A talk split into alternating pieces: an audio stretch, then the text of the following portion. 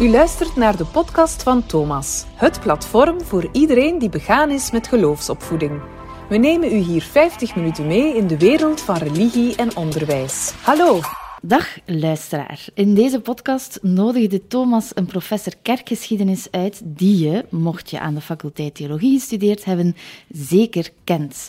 Professor Lambrechts, welkom. Dankjewel voor de uitnodiging. Ja, heel graag gedaan. Uh, bedankt, want u hebt een druk leven. Ik ben blij dat u tot hier bent geraakt. Wel, dat was nog het moeilijkste hier geraken, want ik wou de kortste weg nemen en die werd dan nog ingenomen door een vergadering, waardoor ik twee minuten te laat was, wat tegen mijn gewoonte is. Oké. Maar ik ben er. Oké. Naar aanleiding van deze podcast stuurde ik u een aantal vragen betreffende kerkgeschiedenis in relatie tot het godsdienstonderwijs. Boeiende vragen, dat zeker en vast. En we gaan die zeker behandelen. Maar ik moet eigenlijk beginnen met een bekentenis. Thomas heeft u met die vragen naar hier gelokt. Want het opzet en het thema van deze podcast is niet enkel het kerkhistorische, maar wij willen u in deze podcast even centraal gaan stellen, want u gaat op emeritaat binnenkort. En daarmee wouden wij iets speciaals doen. Want heel wat godsdienstleerkrachten kennen u natuurlijk, zeker als zij hier in dit huis zijn afgestudeerd. En die gouden krijtjes, dat blijft wel bij. Dus wij wouden iets speciaals doen en ik ging met mijn micro's bij vier van uw dichte collega's langs. Iets jong en wat ouder, eh, een mooie melange. Ja, ja. Om eens te vragen welk moment met u professioneel en ook persoonlijk onvergetelijk was. En ik ga je dat eerst laten beluisteren. En zo kunnen de luisteraars van deze podcast, die nog niet persoonlijk zijn tegengekomen, wat beter leren kennen. We gaan even luisteren naar het fragment van ongeveer 10 minuten. We horen eerst Roger Burggraven, nadien... Geef me een keer een stilo, hoor. Ja, ja, ik ga je een balpen uh, geven. Dus nadien Dries Bosgaard, dan Anne van den Hoek en als laatste Anne Miedelen. Oké, heel goed. Ik ga een balpen voor u nemen. Zeg, je hebt dat wel mooi in evenwicht gehouden. Twee mannen en twee vrouwen. Ja, heel belangrijk. En twee jongeren en twee mindere jongen, maar ik ga mij nu niet uitspreken over wie dat ik het heb. Hè. ik hou ook een blad papier. Ja, dat, heb ik, dat heb ik zelf. Hè. Ah, dat heb je. Uh, ah. Ik had me ernstig voorbereid op die vraag en ik dacht, ja... Uh, met Elisabeth, dat zal serieus moeten zijn. Ik had dus echt het gevoel dat ik naar een examen kwam. En nu blijkt dat het naar een groot examen is dat ik kom. Maar achteraf is het examen, dan uh, zeker en vast. Oké. Okay.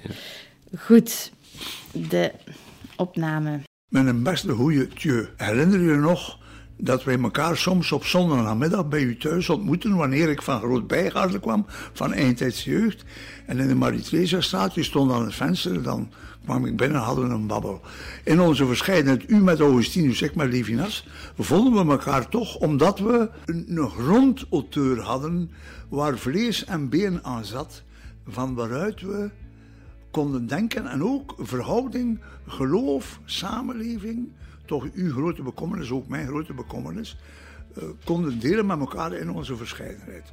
Maar ik wil u iets vertellen. Het gaat over iets wat ik met u meegemaakt heb in mijn loopbaan als, als professor. Gij waart de grote pleitbezorger van het indienen van projecten bij het Fonds voor Wetenschappelijk Onderzoek. Eerlijk gezegd, ik had daar geen ervaring mee. En ik weet nog dat je zei, als je hulp zoekt, je moet het mij maar vragen. Ik dacht, ja, we gaan dat een keer proberen. En ik sprak Henk Sanders aan. En we zouden een project opzetten over wonen. En dus ben ik bij u gaan aankloppen. Wij hadden een aantal ideeën uh, en een aantal elementen, maar wij hadden daar absoluut geen verstand van. En ik weet nog dat eerste gesprek met u, dat was niet van de poes, want je zei, dat trekt op niet veel. Waar is de maatschappelijke relevantie? We hebben dan geprobeerd uh, ons, ons onderzoeksproject te formuleren volgens uw suggesties.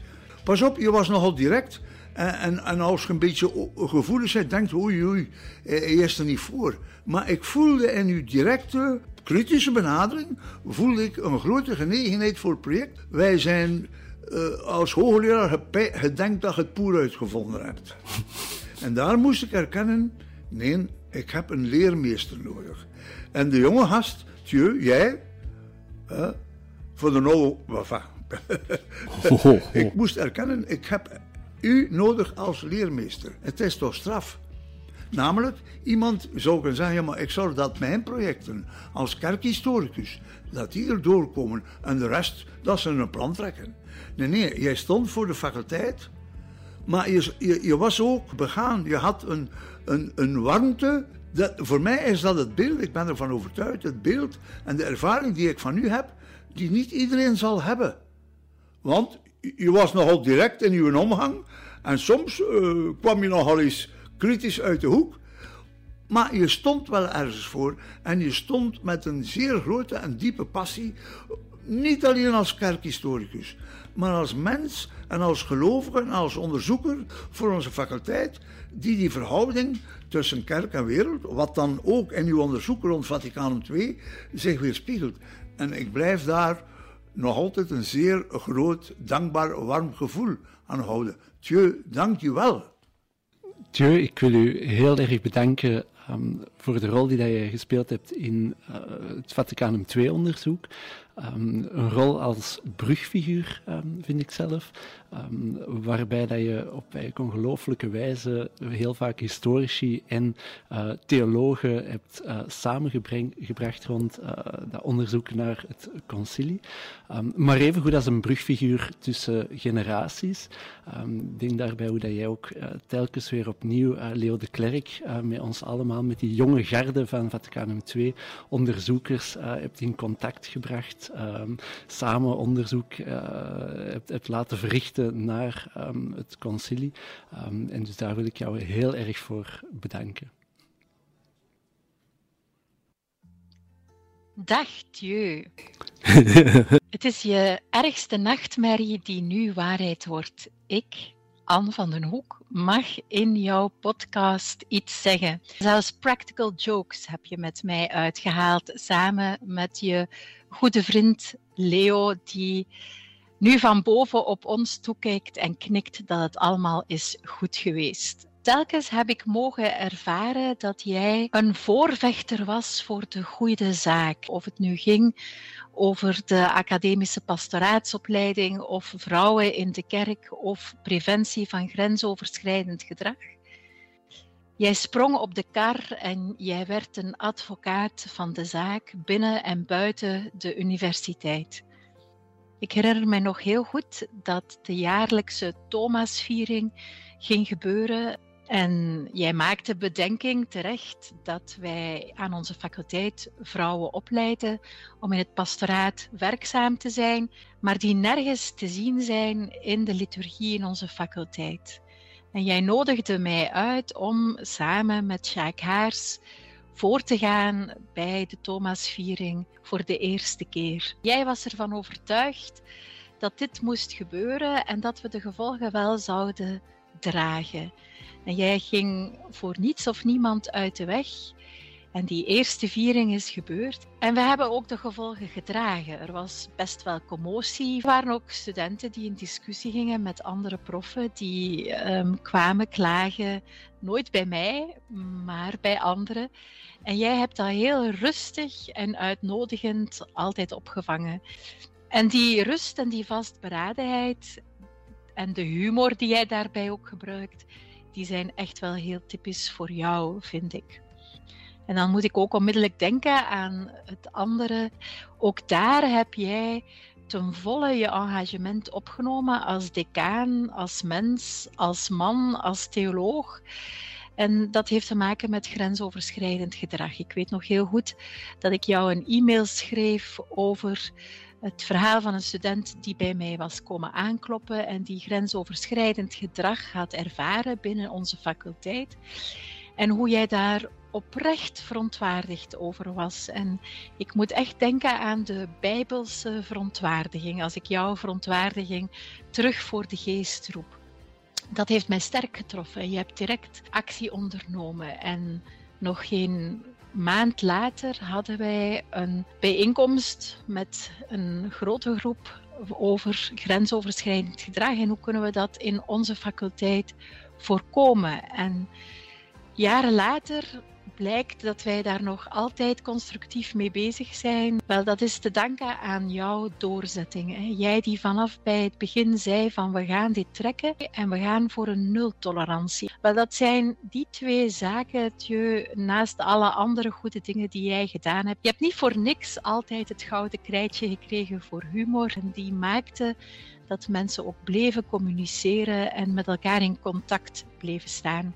En dat heb ik van jou ten zeerste gewaardeerd. Het gaat je goed, je. Dag je. Ik heb de eer om te mogen terugblikken op een lange periode met jou hier aan de faculteit. Ik herinner mij, net voor ik formeel ZAP'er werd, hoe we samen in Roemenië waren. Waar we aan tafel zaten met anderen en jij vol enthousiasme tegen de voor mij wildvreemde collega's vertelde hoe blij je was dat je jonge professoren had kunnen aannemen. Um, dus ja, dat is een van de zaken natuurlijk waarvoor ik en velen met mij jou dankbaar zijn. Je hebt in die eerste decaansperiode, maar ook in de periode daarna, in de tweede decaansperiode, aan heel wat nieuwe, jonge en ook iets oudere collega's heel veel kansen gegeven je hebt in mensen geloofd. Um, op het moment dat we solliciteerden voor de job, was het ook jij die alle stress wegnam en die ons um, in het Heilige Geestcollege geruststelde met je humor, die op dat moment heel relativerend werkte voor mij. Uh, dank voor al die kansen voor mezelf, maar ook voor heel veel andere collega's. Een tijdje na de eerste decaansperiode uh, mocht ik samen met jou mainstream promotor zijn. We mochten ons samen inzetten voor gender en diversiteit. En ik heb toen de vrijheid van spreken en het activisme um, heel erg geapprecieerd. Dank voor de openheid, voor de, de vrijheid um, in het besturen en in het spreken ook. Dank je voor jouw passie, jouw enorme inzet voor deze faculteit, jouw scherpe blik um, op de geschiedenis, de geschiedenis in het algemeen, gelinkt aan jouw onderzoeksvelden, maar ook uh, hier binnen uh, de faculteit, universiteit en binnen de samenleving. Dank daarvoor. Nu kunnen we stoppen. Hè. Voilà, alles is gezegd over u. Ja, dat is dat. Ik kan, daar niks meer, ik kan het nu alleen maar afbreken. Hè. Ja. Herkent u zich erin? Want als ik eventjes in een notendop kijk...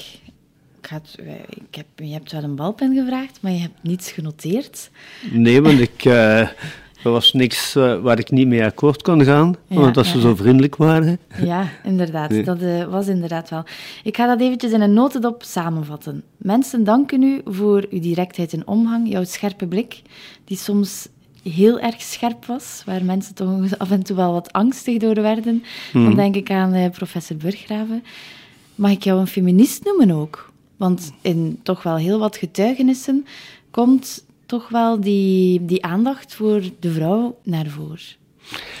Je mocht mij geen feminist noemen, mm -hmm. om de eenvoudige reden dat ik vind dat het de evidentie van de zaak zelf is. Ja. Je kunt dat toch niet uitgelegd krijgen dat in een, uh, in een wereld waar 51% van de mensen vrouwen zijn, dat ze, in, dat ze, dat ze, omdat ze vrouwen zijn, plots minder kwaliteiten zouden hebben dan mannen. Nee, ik vind, ja. ik vind het een zaak van rechtvaardigheid, van intellectuele openheid, ook een stuk authenticiteit, maar je mocht me geen feminist noemen. Okay. Uh, want als je dat uh, wereldwijd gaat verkondigen, dan, uh, dan zal mijn jongste dochter onmiddellijk met u contact opnemen om te zeggen, maar een echte feministe, want ze heeft daarover gewerkt in haar masterthesis, een echte feministe, dat is nog iets anders. Hè.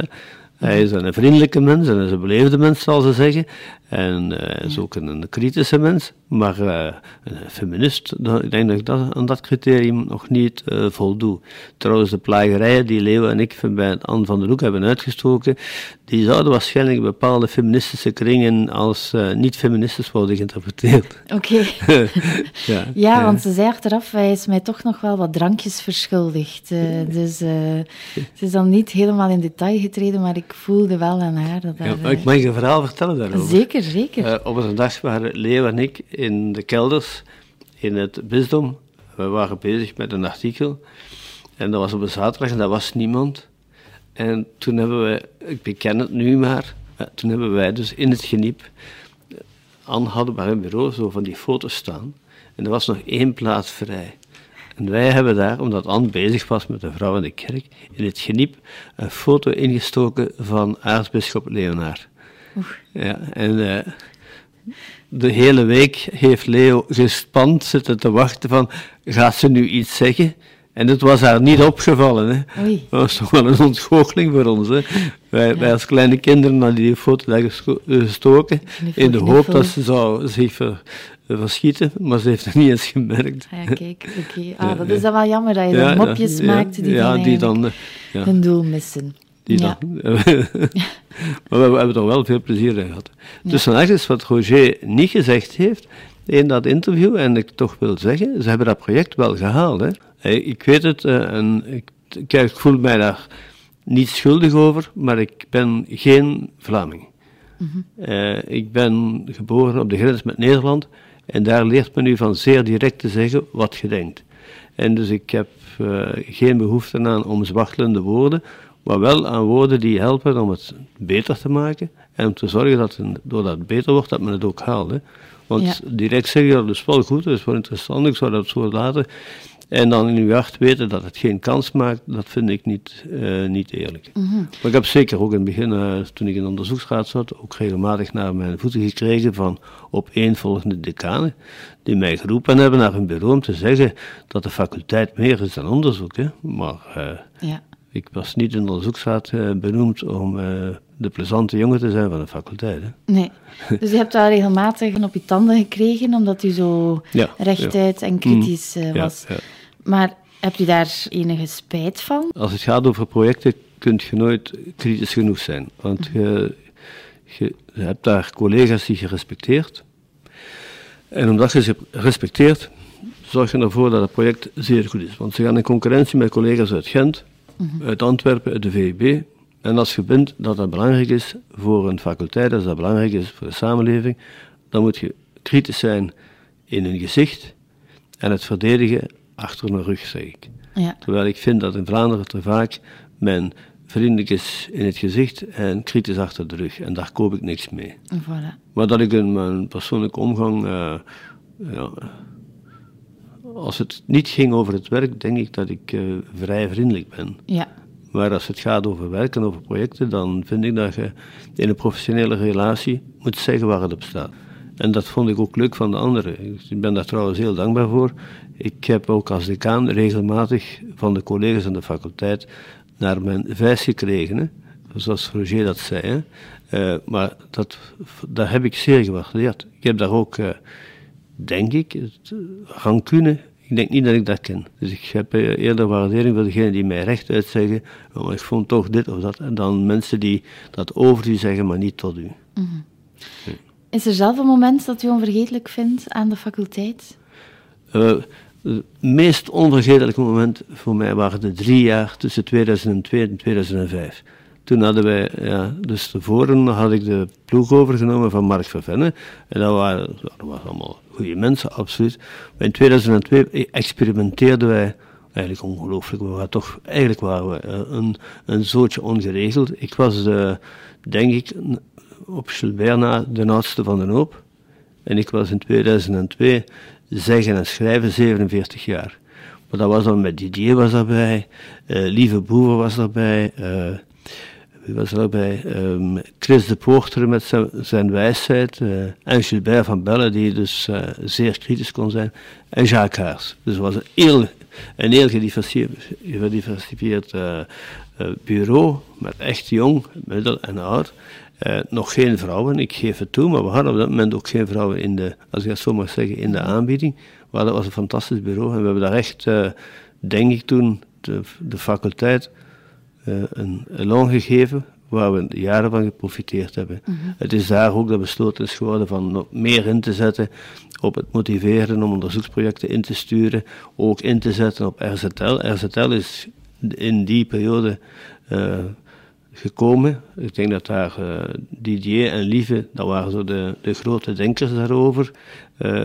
Roger was degene die ons zei dat we moesten oppassen van niet de identiteit van de vakken te verliezen. Maar ik denk dat het vooral Didier en Lieve waren die ons daar uh, geholpen hebben. En Gilbert, met, met zijn, uh, ja, met zijn kritische zin, die, uh, die, die zorgde er ook voor dat we wel dat we bleven dromen, maar op een, op een goede manier. Een winning team. Dus. Ja, het, maar dus echt, je, je kunt dat niet altijd hebben, denk ik. Vooral niet omdat je niet je eigen bureau mocht samenstellen zoals dat nu gebeurt. Hè. Men koos, en men koos dus ook voor evenwichten. Maar ik denk dat we die drie jaar, dat was gewoon, eigenlijk was dat een vriendengroep. Mhm. ik, uh, en een, echte vriendengroep kun je ook eens stevig ruzie maken, maar daarna gingen we een pin pakken en dat was dat weer vergeten. Nee, Dat is voor mij, als die, die drie jaar, dat vind ik... Maar we deden dan ook allerlei dingen die, die dan in de faculteit zijn, maar wat hebben ze nu in een, in kop gestoken? Hè? Ja, en, en, ja, en, en dat lukte en, en dat sprak ook de jonge mensen aan. Ja. En dan, waar ik dus heel, heel, heel blij over ben, is uh, dat uh, in die eerste periode eindelijk, nadat Lieve Gevers op pensioen ging, dat er terug vrouwen gekomen zijn. Uh, eerst met Benedict, maar dan ook met Annemie. Annemie, die eigenlijk, dat is eigenlijk de krak, hè. Die, die, die weet dat zelf onvoldoende, maar dat is, ik heb zelden iemand gezien die zo'n rappe, spitse geest heeft als, als Annemie. En ze zat in moraaltheologie, maar dat was een functie in pastoraal. En ik dacht, maar, om daar niet flauw over doen, hè. En ze heeft gekandideerd en ze heeft dat dan gehaald, maar gewoon omdat ze de beste was. Hè. Ja. Dus dat vond ik wel leuk. Al die vrouwen die er gekomen zijn in de periode dat ik ofwel eh, decaan was ofwel voorzitter van de beoordelingscommissie. En ik vind dat we er nog niet zijn, maar het is al een goede zaak dat we nu ook voor de eerste keer een vrouwelijke decaan hebben, denk ik. Als professor was u ook wel opvallend. Ik herinner mij nog uh, voor het Thomasfeest toen ik hier studeerde. U kende mij niet, maar ik kreeg u sleutel van uw wagen. En ik mocht daar dan mee om, uh, om boodschappen rijden. Dus u was ook wel zeer aanwezig tussen de studenten. Het was niet enkel het klikje van de professoren en dan uh, de studenten die eronder staan, maar wij voelden inderdaad dat dat hier gedragen werd. Maar dus veel godsdienstleerkrachten hebben u gekend. Wat is nu uw visie over het aandeel van kerkgeschiedenis en godsdienstonderwijs vandaag? Mag ik beginnen met het begin? Zeker. Ik, eh, mijn eerste mijn eerste werk was niet aan de universiteit. Oké. Ik ben begonnen als leerkracht Latijn en geschiedenis in het Sint-Josefs College in Sint-Pietersburg. Uh, toen ik hier nog student was, theologie, uh, moet ook nog kunnen eten en drinken. En dus uh, was ik voltijds student en halftijds leerkracht. En ik heb dus geschiedenis gegeven. En ik ben er altijd van overtuigd dat kerkgeschiedenis een integraal onderdeel moet zijn van de geschiedenis. En dat om, om verschillende redenen. De eerste reden is dat je, zeker tot aan de Franse Revolutie, kunt je economie, politiek, uh, sociaal leven, cultureel leven, dat kun je niet loszien van de kerk. Ik zeg altijd, Cluny op zijn hoogtepunt in de 12e eeuw, dat, dat had dus uh, de zeggenschap over 200 abdijen en er werkten meer dan 10.000 man, meer dan 10.000 man in de 12e eeuw. Als je dat hier vandaag in Vlaanderen hebt, dan kom je bijna om de andere dag op tv, omdat je een grote CEO bent. Ze hadden dat daar. Dus um, ik vind, daarom hoort het thuis in de geschiedenis. Ik vind ook dat het thuis hoort in de geschiedenis, omwille van het feit, als je spreekt over Oost-Europa, uh, over Constantinopel, de Byzantijnse keizers en hun, uh, hun bisschop en alle ruzies daarmee, dat maakt een onderdeel uit van 1500 jaar geschiedenis dat je anders kwijt bent. Uh, ik vind ook dat men veel te eng denkt over kerkgeschiedenis. Dat moet gaan over bisschoppen en uh, over theologen. Kerkgeschiedenis gaat over veel meer. Denk bijvoorbeeld aan uh, Albertus Magnus. Dat was eigenlijk, die werd gerespecteerd omdat hij zo'n grote kenner was van de natuurwetenschappen en van de wiskunde. Hè? Dus mhm. als je dat zo bekijkt, dan zou ik zeggen, ja, kerkgeschiedenis hoort wezenlijk thuis in geschiedenis en zou ook daar aan zijn trek moeten komen. Maar nu komt het, nu komt het. Ik heb in, uh, in Sint-Petersburg zowel in de retorica als in het derde jaar geschiedenis gegeven. In het derde jaar, het handboek Je te jure, het handboek eindigde op het moment dat Christus geboren is. Dat was met de grote keizer uh, Augustus, dat moesten ze nog hebben, maar dat, wat daarna gebeurde, nul. En in de retorica ging het over de 19e en 20e eeuw. Ik kan je zeggen, je moest een vergrootglas hebben om in die handboeken van geschiedenis, en ik spreek nu van het begin van de jaren 80, hè, dus dat is al uh, eh, 40 jaar geleden, om daar iets te vinden over godsdienst. En daarom dat ik dus vind dat ja, als je dan toch iets wilt zeggen over de grote momenten van de kerk, dan zult je het moeten gaan doen in de godsdienstlessen, want de historici krijgen het niet. Mhm. En je hebt, mij dus, uh, je hebt er mij ingeluisterd met die vragen. Ik had dat dus serieus opgenomen. Ik heb dat zelfs voorbereid. Ik dacht, dat is maar dat zijn ook serieuze vragen. ik ben echt is, oprecht benieuwd naar dat is hier, hè, dat is hier, uh, als ik hier uh, niet slaag, dan is het einde van mijn carrière helemaal nabij. Hè. Geen hoop meer naar het pensioen. Maar dus, daarom, ik ben dan nog zelfs gaan kijken naar de programma's die vandaag aangeboden worden in geschiedenis. Dat is verontrustend om te zien welke onnozele dingen er allemaal wel moeten gedoseerd worden, maar dingen waarvan ik denk, ja, dit was wel een onderdeel van de Europese cultuur, vier uur over de kerkgeschiedenis in uw hele opleiding, als, eh, het hele baccalaureat, dat is wel niet veel, hè? dat is niet veel. Hè? En daarom zeg ik, misschien moet deze faculteit maar een tandje bijsteken om wat meer uh, aandacht te besteden aan kerkgeschiedenis.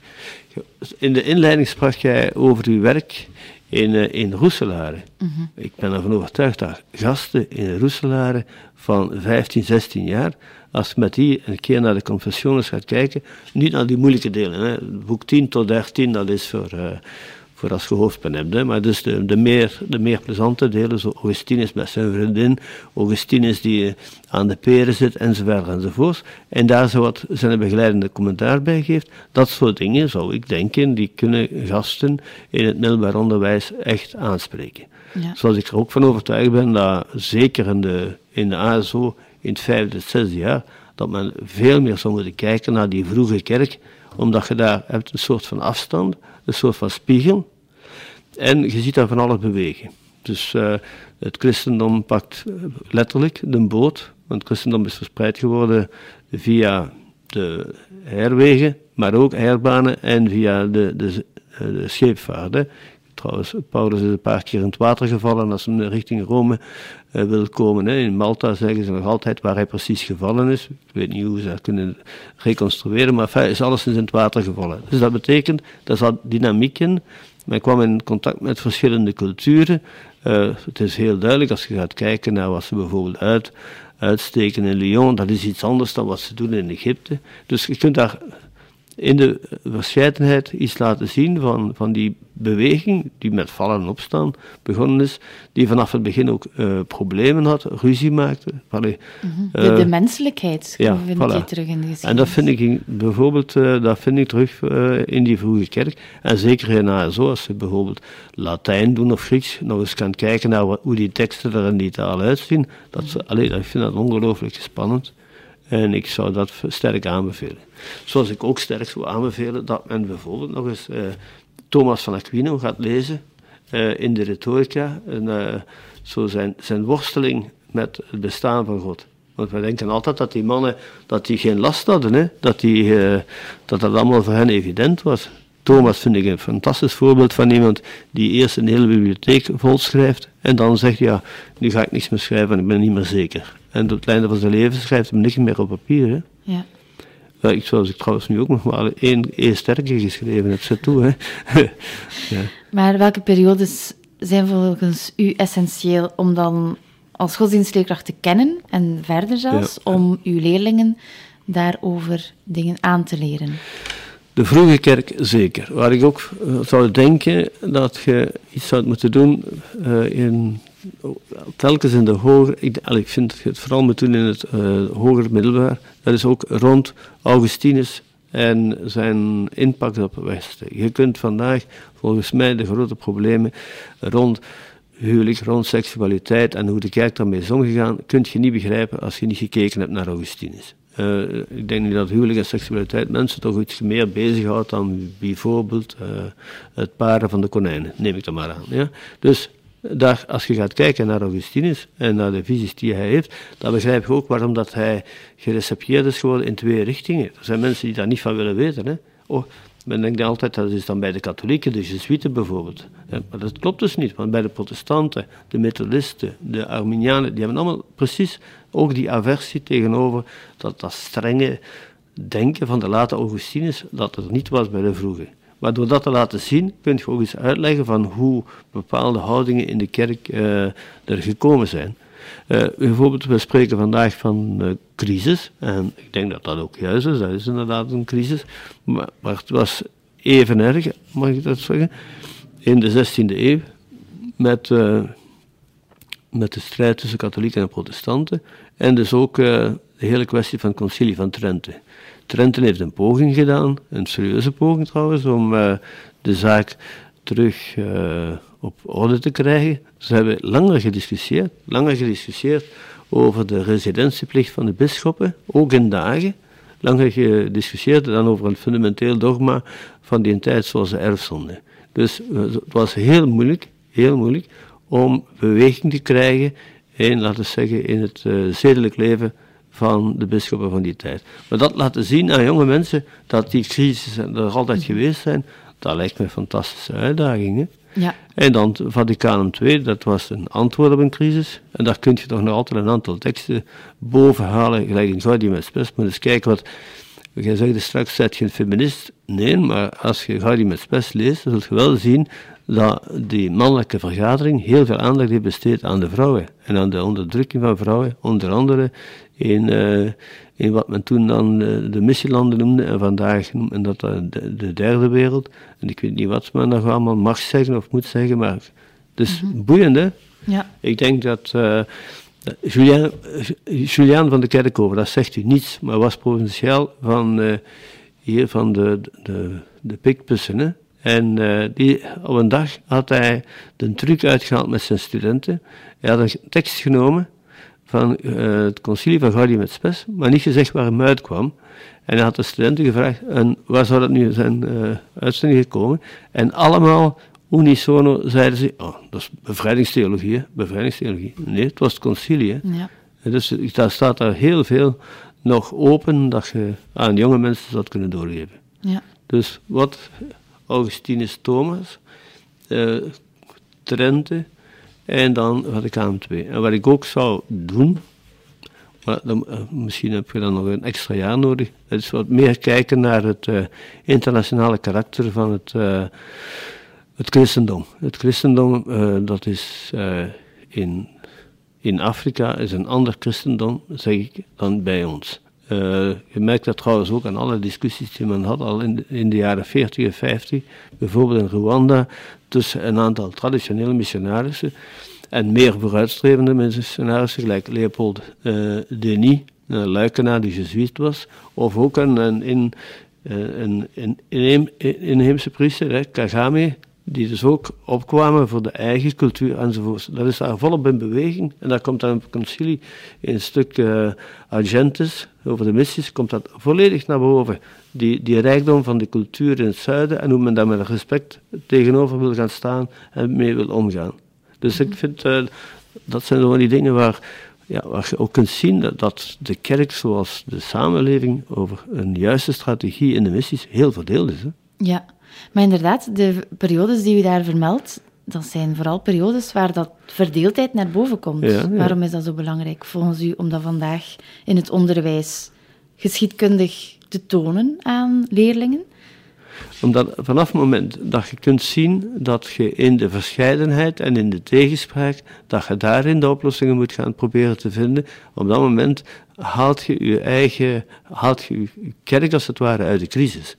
Want zolang als je blijft op het niveau van het beschrijven, en van te zeggen het is dit en het is dat en het gaat, uit, gaat achteruit enzovoort, dan heb je wellicht gelijk, maar je bent nog niet begonnen aan het zoeken van een oplossing. Mm -hmm. En dus ik denk dat precies in het confronteren met de verscheidenheid en met de tegenstellingen, dat je plots ontdekt dat kerk zijn niet is uh, allemaal die van deze kleur zijn, maar dat kerk zijn betekent dat je de vier kleuren nodig hebt. Ja. Ja, ja allee, dat, is, dat is wat ik daarvan denk, ja. Dat is een beetje het idee van de katholieke dialoogschool, uh, ja, ja. die u daar ook uh, terugvindt in de kerkgeschiedenis dan. Maar die is dan ook hier uitgevonden. Hè. Ik denk, uh, dat we dan mogen zeggen, dat uh, mm -hmm. Didier was er al mee bezig, denk ik, van helemaal in het begin van het derde millennium. Ja. En dat is dan, dan overgenomen uh, en toegepast door Lieve, maar ik denk dat Didier hier al mee bezig was in 2001. Dat, was, dat is nog zoiets, die en Thomas, 2001. Didier wou daarmee beginnen en Jacques was er nog bij, Jacques Haars. En ja, moesten middelen. Ik denk dat ongeveer alles wat we konden tegenkomen in het katholiek onderwijs om zo te overtuigen, dat is op het decanaat geweest, of ik ben er zelf naartoe gegaan samen met Didier. En we hebben dus de mensen kunnen overtuigen van het belang van die dialoogscholen. Want we moeten daar niet flauw over doen. Hè. Ik heb de geschiedenis geschreven van 50 jaar Wisdom Hassel. Ik heb meegewerkt, aan andere geschiedenissen. En ik, eh, wat stel ik dan? Ik heb meegewerkt aan de geschiedenis van het IPB. En wat stel ik vast? Eh, vanaf 70, 75 krijg je plurale, pluralistische scholen. Als je dan blijft vasthangen aan je beeld van wij zijn homogeen, dan, dan, dan zijt je niet meer katholiek. Hè? Mhm. Want dan zijt je aan het afsluiten. En katholiek wil precies zeggen, uh, heel de wereld, hè? dus grote openheid. Nee? Ja. Ja, zeker en vast. Vandaag in de kranten lezen wij vaak een anti-verhaal over uh, katholiek onderwijs. En vooral ook godsdienstonderwijs, de vakken, uh, de levensbeschouwelijke vakken. Uh, wat denkt u daarover? ik heb altijd gezegd, onze grootste vrienden zijn die van de VUB. En ik, ik meen dat echt. Dat wil dus eigenlijk zeggen, zolang als je vrije universiteiten hebt in dit land, en je hebt ze van de twee gezinten, moet je je daar nog geen zorgen over maken. Mhm. dus dat, dat, is één. Twee, uh, er is een grote misvatting. Hè? En het erge mij soms staat die Pinocchio's in de krant dat we allemaal zo vrijelijk mogen komen zeggen. Hè? Maar uh, moet eens kijken, ik heb dus geschiedenis gegeven. Mhm. Het feit dat er geen godsdienst aanwezig is, dat is een ideologische keuze. Hè? Uh, ik heb kinderen gehad en ik heb kunnen zien hoe het evolueerde wat betreft het taalonderwijs Frans.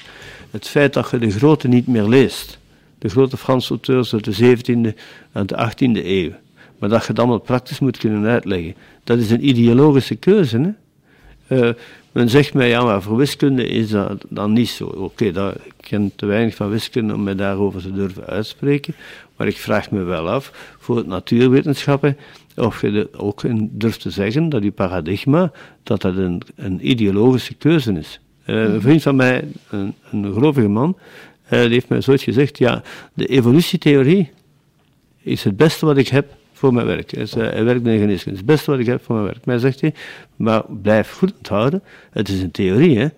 Een theorie die mij vooruit helpt. Wat wil ik daarmee zeggen?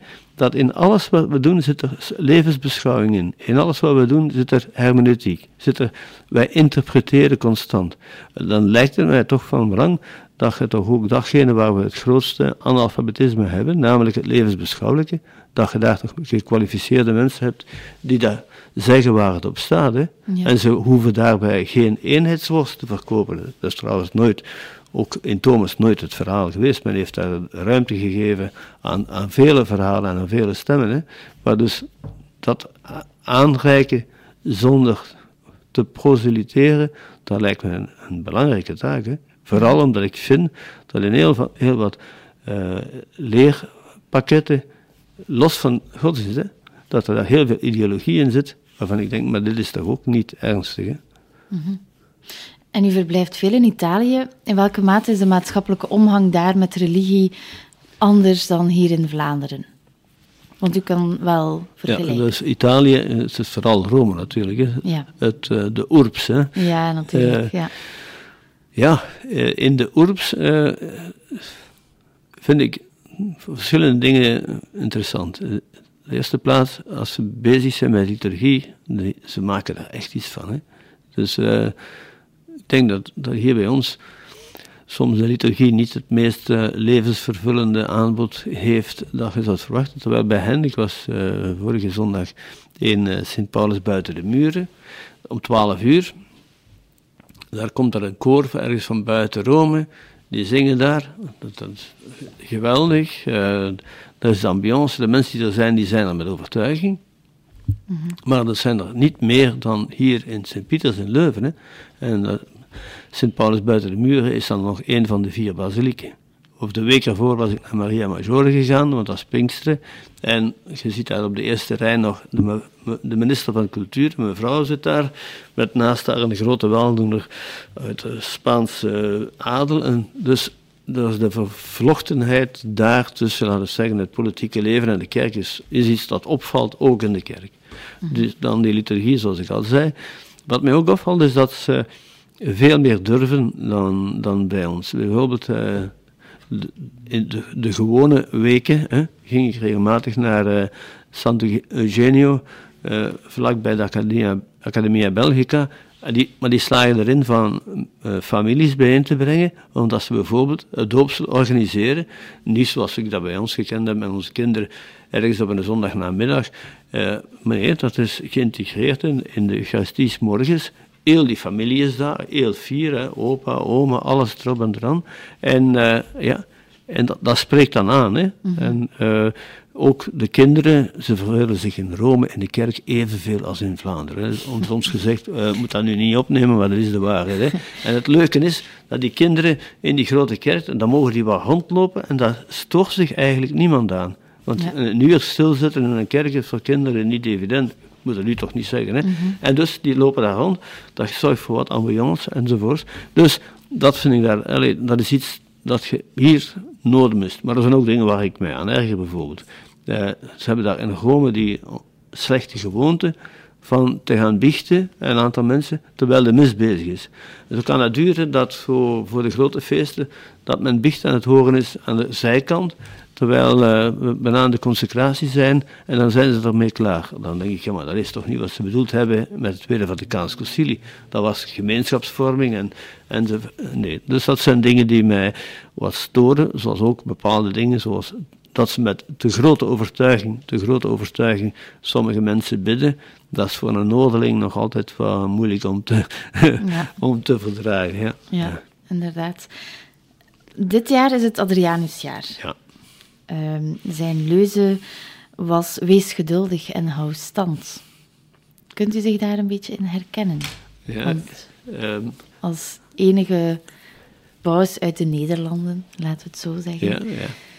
Er zijn zelfs mensen die zeggen dat het eigenlijk een paus was van het Duitse Rijk, omdat de Nederlanden onderdeel waren van het Duitse Rijk. Dus ja. we kunnen heel ver gaan ja, in ons pateren et sostenere. Mm -hmm. ja. Dus naast heb je gezien dat die twee werkwoorden soms hetzelfde betekenen? Mijn Latijn is helaas niet zo goed als het uwe. Ja, Oké, okay, dan zal ik u zeggen, het kan in de twee gevallen ook soms standhouden betekenen. Oké. Okay. Uh, dus, en ik denk dat met het pateren hij niet zozeer bedoelde pati lijden, maar uh, het verdragen.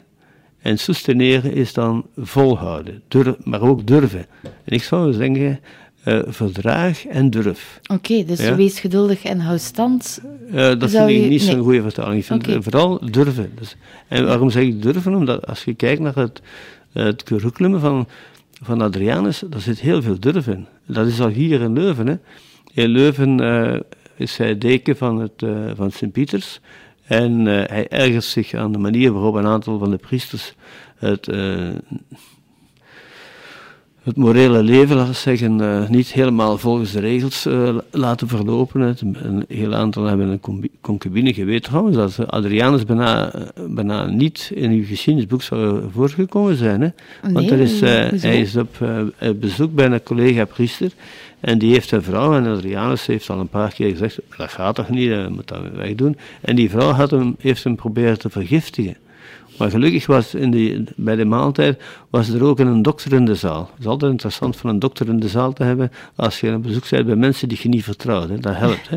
En die heeft hem dan kunnen redden. En die is wereldberoemd geworden de dag dat Adrianus de zesde paus werd. Want hij had hem het leven gered. Dus ik zeg het u maar. Hè. Ja. Uh, ja. Bijna had je uw vraag kunnen, ja, kunnen vergeten. Hè. Ja, Goed. dan... Dus hij durfde. Uh, hij heeft ook qua, allez, Jan Rogiers zei dat altijd, qua methode. Men zegt dat is de scholastieke methode, maar daar zat toch al een eerste aanzet van ver veranderingen. Hij heeft uh, de, ja, keizer Karel uh, lesgegeven, maar is dan voor keizer Karel naar Spanje gegaan. Heeft daar toch de, de rechten van Karel kunnen verdedigen in een woelige tijd, want het was daar een woelige tijd. Uh, hij heeft dan uh, zijn benoeming in Rome te danken aan het feit dat ze in Rome zeiden, niet toch weer een, een van bij ons, en zeker geen van de medici.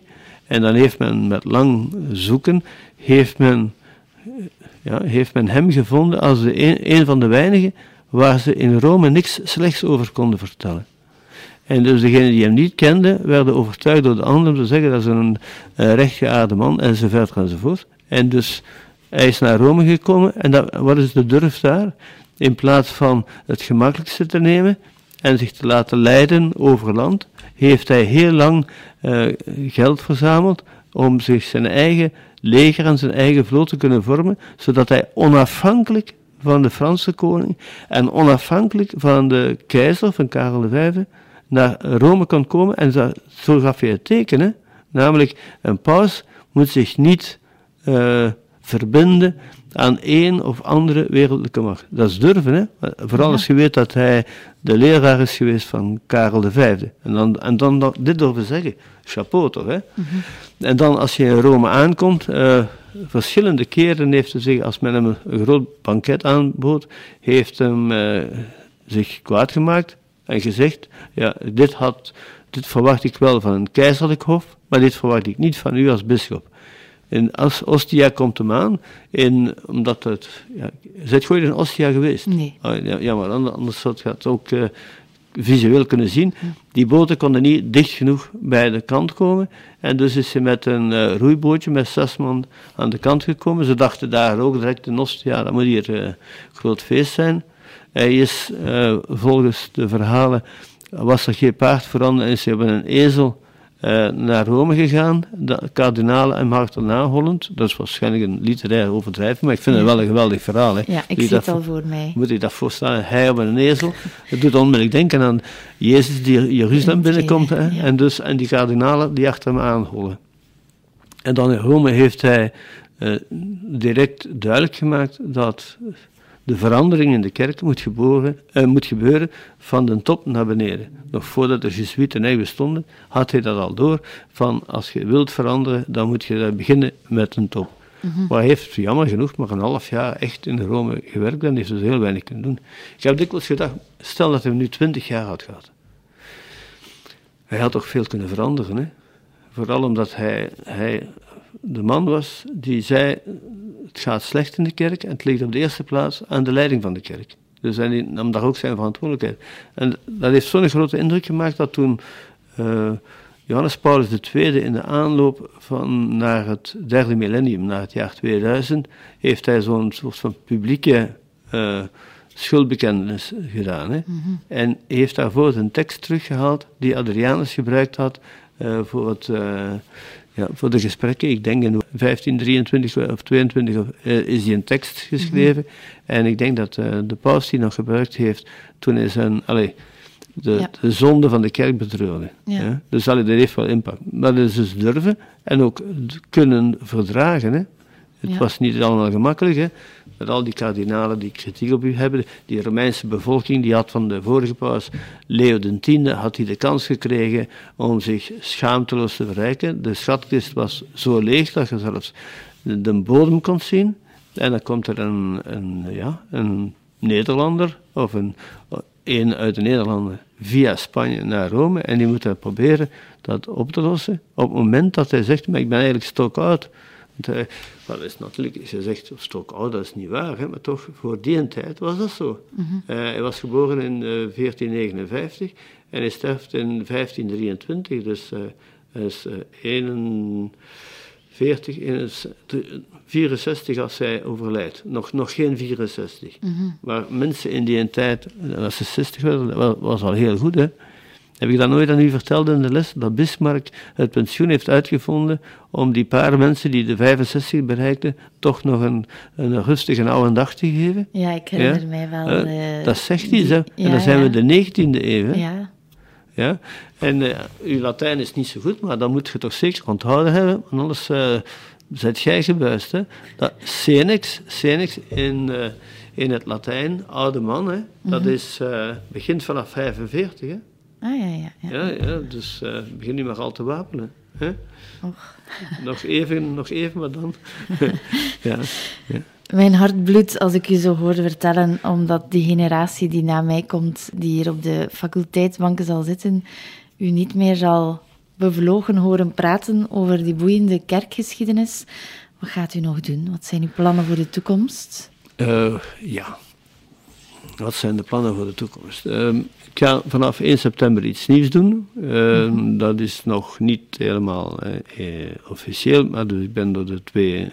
Ja, ik ga dus iets nieuws doen. Ja. En uh, een, een, andere verantwoordelijkheid opnemen, okay. die veel te maken heeft met een, ook een grote liefde, namelijk de boeken. Mhm. dus dat is één. Ik ben nog altijd in een commissie in Duitsland voor de de Tenjartweg in, in Freiburg. Ik ben daar ingekomen in 2008 en dat is nu opnieuw verlengd geworden voor een aantal jaren. Dus dat is leuk. Mhm. Ik ben nog altijd directeur van het Augustijns Historisch Instituut. En ik ga proberen nog veel naar Rome te gaan om... Uh, ja, we hebben dan onze projecten met Australië en, en, met Vallen daar, waar ik dus ook nog mee bezig ben. En ik blijf uh, Latijn geven uh, voor beginnelingen, omdat ik dat ik vind dat een geweldige uitdaging. Ik doe dat dolgraag. Oké. Ja. Dan moet ik misschien toch eens bij jou uh, naar de les komen. Ja, maar ik geef het u nu maar al mee, dus je weet het. Hè. Tot 7 is het infants, tot 15 puber, tot 30 adolescents. En dan zijt je in uw eigen generatie, juvenis. Mhm. Maar 45 is het gedaan, dat is niks. Hè? Ja, oké. Dus, uh, dus uh, moet je dat niet noteren? Maar ik neem dat op. Ik ben van die moderne studenten die, die alles opnemen. ja, ja, ja oké. Ik zal uh, in, de in, de komende weken eens een examen organiseren om te zien of je dat goed hebt opgenomen. Ja, heel goed. ik word al zenuwachtig. Heel erg, heel oh. erg bedankt, professor. Bedankt. Dag, professor. Dag. Bedankt om te luisteren. Heb je zelf een interessant project of wil je dat de podcast van Thomas bij jou langskomt? Laat het ons weten via thomas.kuleuven.be.